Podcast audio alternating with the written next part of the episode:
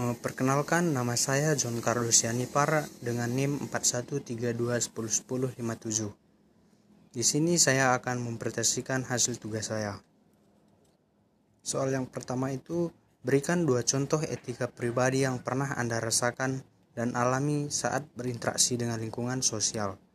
Nah, etika pribadi saya yang pernah saya alami sendiri yaitu pada saat melakukan gotong royong untuk pembersihan di kampung halaman saya sendiri saya mendengarkan arahan dan tugas-tugas yang diberikan oleh kepala desa dan melakukannya tanpa memilih-memilih pekerjaan.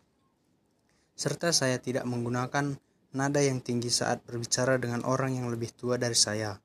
Contoh yang kedua itu eh, pada saat ada acara keluarga, saya menyapa dan memberi salam kepada setiap orang yang datang.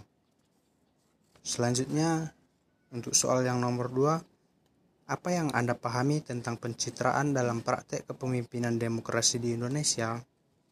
Nah, jika citra diartikan sebagai gambaran, maka pencitra maka pencitraan diartikan sebagai penggambaran yang diterima oleh komunikan atau kalayak, kalayak sebagai efek dari terpaan informasi yang diterimanya, baik itu secara langsung maupun melalui perantara media.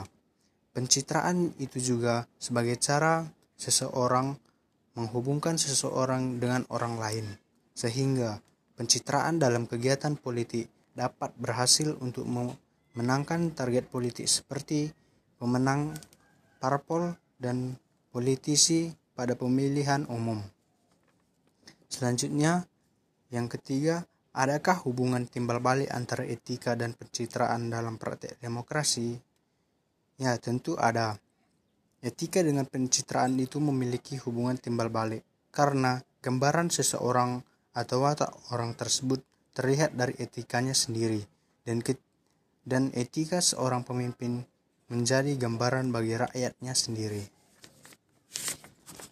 Yang keempat, mengapa fenomena tuduhan pencitraan kerap menempel pada seorang pemimpin?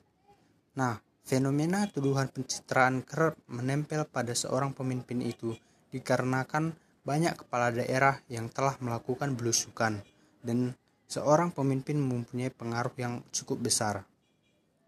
Yang kelima, apakah pencitraan selalu bermakna negatif? Jelaskan. Tentu saja tidak. Jika seorang jika seseorang menggunakan konten yang tepat, tidak berubah dari waktu ke waktu, akurat dan memandang diri secara positif. Pencitraan menjadi negatif biasanya kalau kontennya itu tidak sesuai, tidak akurat, berubah-ubah, atau mengandung negatif self-views. Terima kasih.